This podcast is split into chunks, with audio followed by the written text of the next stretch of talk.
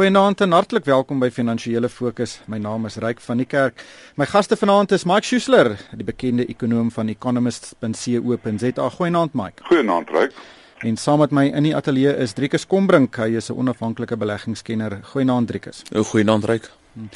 Wel, dit was 'n uh, baie vol nuusweek veral in die sakewêreld. Die Marikana verslag is bekend gemaak. Uh, die direkteure van Aurora is skuldig bevind aan roekelose bestuur van die Pomotsi myngroep.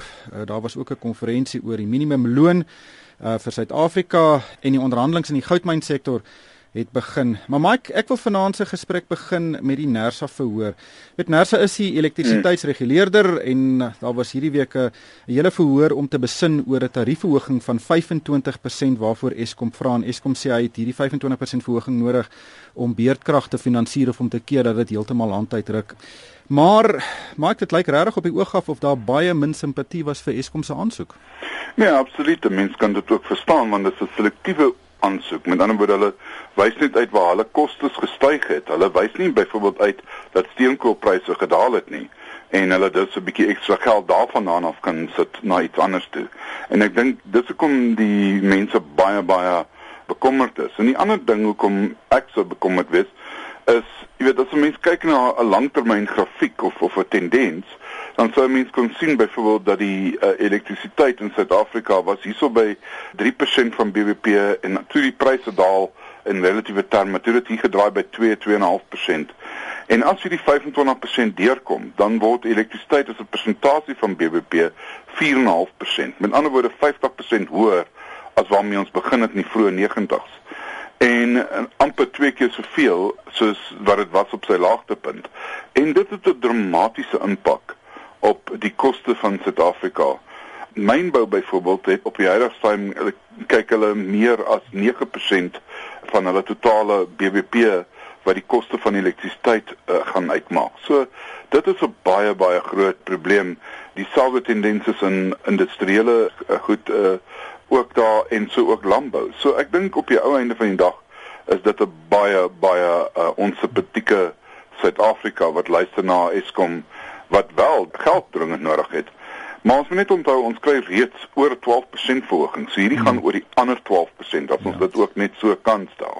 Driekus, ek dink baie Suid-Afrikaners kyk ook oor hierna en daar's verseker nie 'n persepsie dat Eskom 'n baie doeltreffend bestuurde maatskappy is nie en daarom is daar ook weerskant om te betaal, meer te betaal omdat uh, Eskom regtig nie sy eie geld sake in orde kan kry nie. Ja, ek dink is deel van 'n groter kwessie. Ek dink die die wanbestuur van soveel um, semi-staatsorganisasies. Eskom is net die grootste dalk van die klomp, maar daar's verskeie ander en die probleem is dat meeste van hierdie semi-staatsorganisasies die regering se se ondersteuning het wat finansies aanbetref op die einde van die dag. So Eskom effek, ehm um, uitgereikte skuld dan word ondersteun deur die ehm um, chequeboek van die staat op die einde van die dag sou Eskom regtig in moeilikheid beland. En dit beteken ons ons werklike staatslas as jy al die semi-staatsorganisasies bytel by ons staatslas dan verander dit van so 'n prentjie van 43% toe na nader aan 'n 60% syfer. So die staatslas eintlik is baie groter as ons hierdie semi-staatsorganisasies bytel en saam met dit het ons natuurlik 'n inflasionêre impak. Dis een van die twee of 'n inflasionêre impak of die staat gryp in uh, vir fiskaal gewys. Op een of ander manier betaal die Suid-Afrikaanse belastingbetaler vir hierdie wanbestuur. Hmm. Mike, um, iemand het hierdie week opgemerk dat indien Nersa nie die tariefverhoging toestaan nie, kan dit dalk die regering se hand 'n bietjie aanhelp om van die bates te verkoop en die private sektor by te bring en en en betrokke te kry en dit natuurlik kan ook 'n verskil maak. Dit kan 'n groot verskil maak, maar ek weet nie of die regering ideologies reg is om hierdie sprong te vat nie. En uh, dit is vir my 'n groot probleem. Ons het reeds amper 2000 megawatt wat gekoop kan word van uh, privaat firmas wat uh, oortallig het en ook munisipaliteite moet ek bysê. Maar dit lyk vir my hulle noem dit nog steeds 'n short term power purchase partnership tipe van ooreenkoms en hulle praat net van korttermyn. So as jy net daar na daai NASA application kyk wat uh, Eskom aangebied het, net die name wat hulle seker goed gee, sê vir jou hoe moeilik dit is in die huidige omstandighede dat hulle enigiets oorlaat aan die private sektor. En dit is my kommer, dit is regtig 'n kommerwekkende situasie op hierdie stadium dat ons 'n uh, Eskom het wat nie dinge kan doen nie in die private sektor uh, word nog nie ingebring nie, maar ek dink hierdie kan dit op die spits dryf want as jy nie elektrisiteit het nie, het jy nie 'n ekonomie nie. Hmm. Uh, nog 'n groot storie was uh, die uitspraak van regter Eberhard Bertelsmann in die Pretoria se Hooggeregshof. En hy het bevind dat verskeie direkteure insluitende die kleinseun van Nelson Mandela, Zodwa Mandela en die president Zuma se se neef Kolobusa Zuma Hulle was roekeloos in hulle bestuur van die Pomotsi myngroep tussen 2009 en 2011. Hulle het in hierdie tyd die myn basies gestroop, al die bates verkoop en meegebring dat baie baie duisende mense hulle werk verloor. En die regter het gesê die direkteure was ook nie eerlik in hulle voorleggings nie en hy het uh, gesê van hulle het selfs onwaarhede kwyt geraak. Uh Driekus, dit is 'n uh, baie baie sterk uitspraak en dit het ook politieke gevolge. Ek is seker dit gaan geappeleer word, maar maar wat wat lees jy daarin? Wel, eerstens dink ek is 'n is 'n goeie oorwinning vir korporatiewe bestuur in Suid-Afrika. Ons het 'n baie sterk korporatiewe bestuur kultuur ten minste op papier, maar wat ons nou hier sien is dat dat 'n regter as te ware intree, nie regtig vir die aandeelhouers so seer wat hy verwag het 'n korporatiewe bestuur moegment hier, maar vir alle uh, partye wat aanklank van of wat wat beïnvloed word deur die koöperasie en uh, is goed om te sien dat die uh, direksie aanspreeklik gehou kan word. So dit is jammer dat dit nie uit die strafregtelike oogpunt uitgekom het nie maar dat dit uit 'n siviele oogpunt uitkom.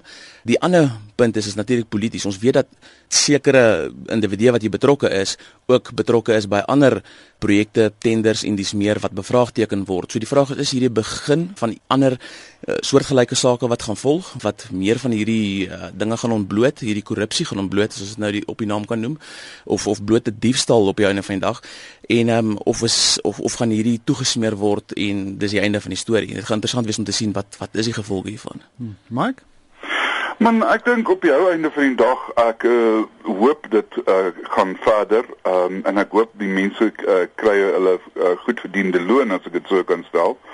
Weet, ek weet nie, nie baie van hierdie regsaak af behalwe dat dit vir my voorkom asof dit nog 'n lang tyd kan vat. Maar nietemin, ek dink dit is 'n stap in die regte rigting dat maar dit is net jammer dat 'n vakbond dit moet doen om mense hof toe te vat. Hmm. Dan die Marikana verslag eh, is deur die president eh, donderdag aand eh, aangekondig en dit is 'n groot afwagting. Nou dit is sal baie goed ontleed Driekus. Um, ek wil net stil staan met Cyril Ramaphosa is nie daar's geen um, fout voor sy deur nie en Lonmin het, lyk my ook relatief uh, lig daarvan afgekom. Wat het jy in die in daai verslag ingelees oor Lonmin en oor Cyril Ramaphosa. Wat is interessant geweest dat hulle dat hulle wel blame geplaas het op Lonmin en kom ons wees seker daarvan dat daar baie foute gemaak word deur korporatiewe Suid-Afrika en dat Lonmin baie meer kan doen om hulle werkers byvoorbeeld beter beter na hulle te kyk. Maar dit daar's sekere dinge waarvoor die staat moet sorg. Dis die veiligheid van werkers om werk toe te gaan. Dit is nie 'n koöperasie se se las om om seker te maak dat dat sy werkers moet beveilig word teen die algemene bevolking nie. So dit is 'n probleem waar hulle bietjie die skuld las verskuif na weer eens na die korporatiewe kant toe. Ons sien dit die heeltyd gebeur en dis nie goeie boodskap wat ons stuur vir die buiteland wat hier moet kom belê nie of selfs plaaslik beleggers nie. Is wat word alles verwag van van korporatiewe Suid-Afrika hierso.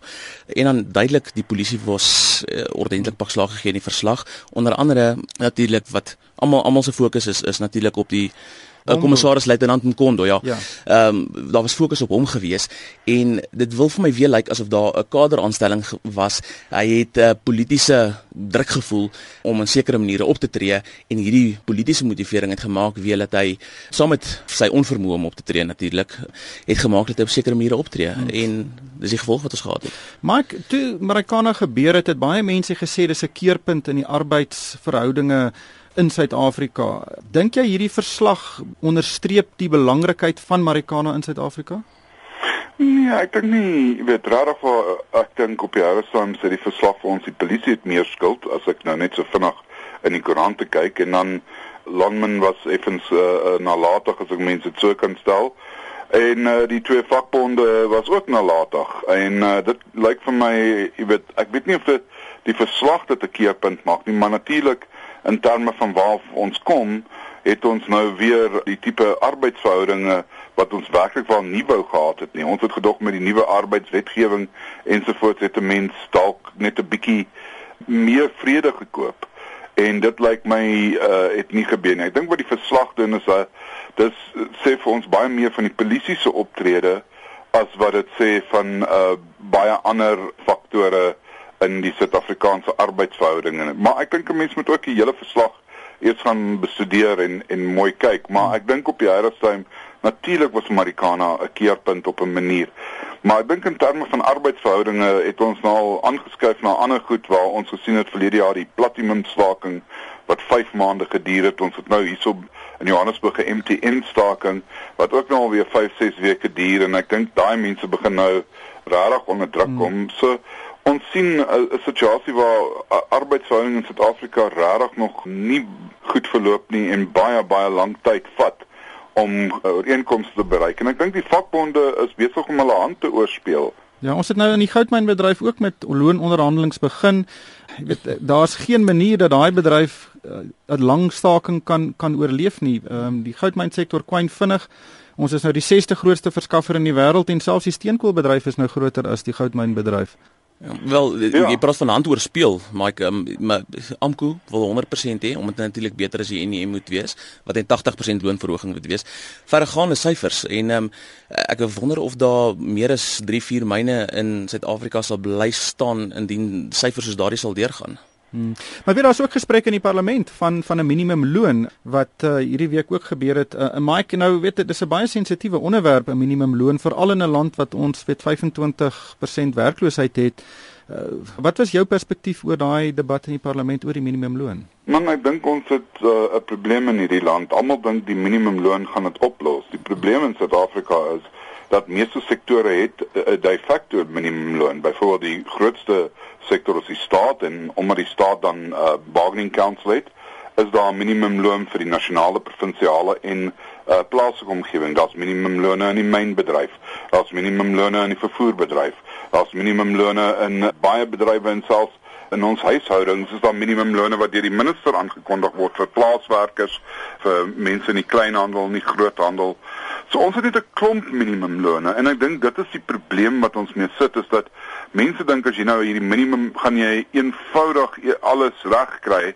En die ander ding weet ons eh, deur navorsing wat ons gedoen het vir 'n ander vakbond, het ons net tot die uh, ding gaan kyk en as jy 'n minimumloon het wat op jou einde groter is as jou of kom ons sê van so die helfte so groot soos jou BBP per capita, dan begin jy probleme optel in die aantal mense wat jy aangestel het. En dit sien ons nou. Ons kan kyk na die mynbedryf en die minimumloon in die mynbedryf is amper so groot soos ons BBP per capita en wat sien ons? Daar's al hoe minder myne. Daar's al hoe minder myne wat oopmaak en die ou myne sluit. So die aantal mense wat in daai bedryf is, krimp en gaan nog vinniger krimp omdat die kommoditeitspryse nou onder druk kom. Maar die feit is ons het nie meer werk geskep daardeur nie en ek dink ook nie ons het 'n kans om uh, baie eenvoudige uh, minimumloon te kry in Suid-Afrika nie want jy kan nie 'n persoon wat in 'n mynbedryf is en 'n persoon wat vir jou huis werk dieselfde minimumloon gee nie en ek dink dit gaan ook deel ja. wees van die probleem. Ja, ek dink eh, die probleem is groter as dit. Ehm um, dit is 'n wonderpille panakia wat 'n kommunistiese ideologie wil hê ons moet sluk is hierdie minimumloon. Uh, in die mynbedryf sien enigsins in die vervaardigingssektor is van 20% van die BBP in die vroeë 90's gekrimp tot net omtrent 12% toe heidaglik. So dit is dis reg die ekonomie waar hierdie uh, effek het en die ouene van die dag is dat werkloosheid die armes van die armes is kry swaarder onder die huidige ideologie en ehm um, die inbring van so minimumloon indien dit effek gaan hê want soveel industrie het reeds gaan die probleem net vererger en gaan ons net nader bring aan aan 'n groter keerpunt Suid-Afrika. Die trant van die debat was vir my ook baie interessant en en dit weer eens onderstreep die mag wat vakbonde in Suid-Afrika het. En ek dink dit is ook een van die strukturele probleme van ons ekonomie. Maar die tyd haal ons in. Driekus laastens, ons het hierdie week sterk markte gesien. Ons het die afgelope paar weke uh, amper 'n tegniese regstelling gesien, maar Griekeland het vir ons goeie nuus gegee die eerste keer in 'n lang tyd. Hulle lyk of hulle ooreenkoms wil bereik met hulle krediteure. Dink jy hierdie loopie wat ons die laaste week uh, amper 10 dae gesien het is volhoubaar? Ehm um, ons moet die 10 dae loopie in perspektief plaas en sê daar was 'n tegniese regstelling. Die mark het 6% byna afgekoop die plaaslike en meeste van die loopie wat ons hier plaaslik gesien het is nywerheids en finansiële aandele wat nou bietjie goedkoper lyk as van hy hoogtepunte af. Soos moet dit in daai reg plaas en dis hoekom die rand ook versterk het. Rand lyk effens goedkoop begin lyk teenoor die dollar en dis maar net 'n taktiese skuif van batebestuurders. Daar's nie veel positiwiteit op die oomblik in die plaaslike mark nie. En ek dink op die kort tot medium termyn gaan ons nog steeds deur goed soos die Griekse krisis gedryf word en meer belangrik op die medium termyn deur rentekoerse in die FSA gedryf word. Net net laastens daar was 'n groot koop operatiewe transaksie. 'n Medikliniek het uh, 'n baie groot Britse groep, groep gekoop Spire Healthcare. En in, ironies genoeg wat hulle betaal 8.5 miljard rand vir 'n 30% belang in daai uh, in daai besigheid, maar nou is Suid-Afrika se twee groot uh, hospitaalgroepe Netcare en Medikliniek ook die twee grootste spelers in die Britse private gesondheidsmark. Nie net so nie, van die drie hospitaalgroepe wat hier genoteer is, onder andere ook Netcare en Life Healthcare is al drie onder die top 10 in die wêreld. So jy sê vir ons het iets geleer uit ons kom ons sê wanbestuur in die publieke sektor wat hospitale aanbetref en ons gaan pas dit met velslaat toe in die buiteland. Ja, dit is 'n regte pleintjie vir ons. Maar ongelukkig het die tyd ons ingehaal. Uh, baie baie dankie aan Mike Schuessler van economist.co.za. Dankie Mike. Ja, so plesier ek. Hendrikus Kombrinke, onafhanklike beleggingskenner, baie dankie. Dankie. En van my ryk van die kerk, dankie vir die saamluister en ek koop almal 'n winsgewende week.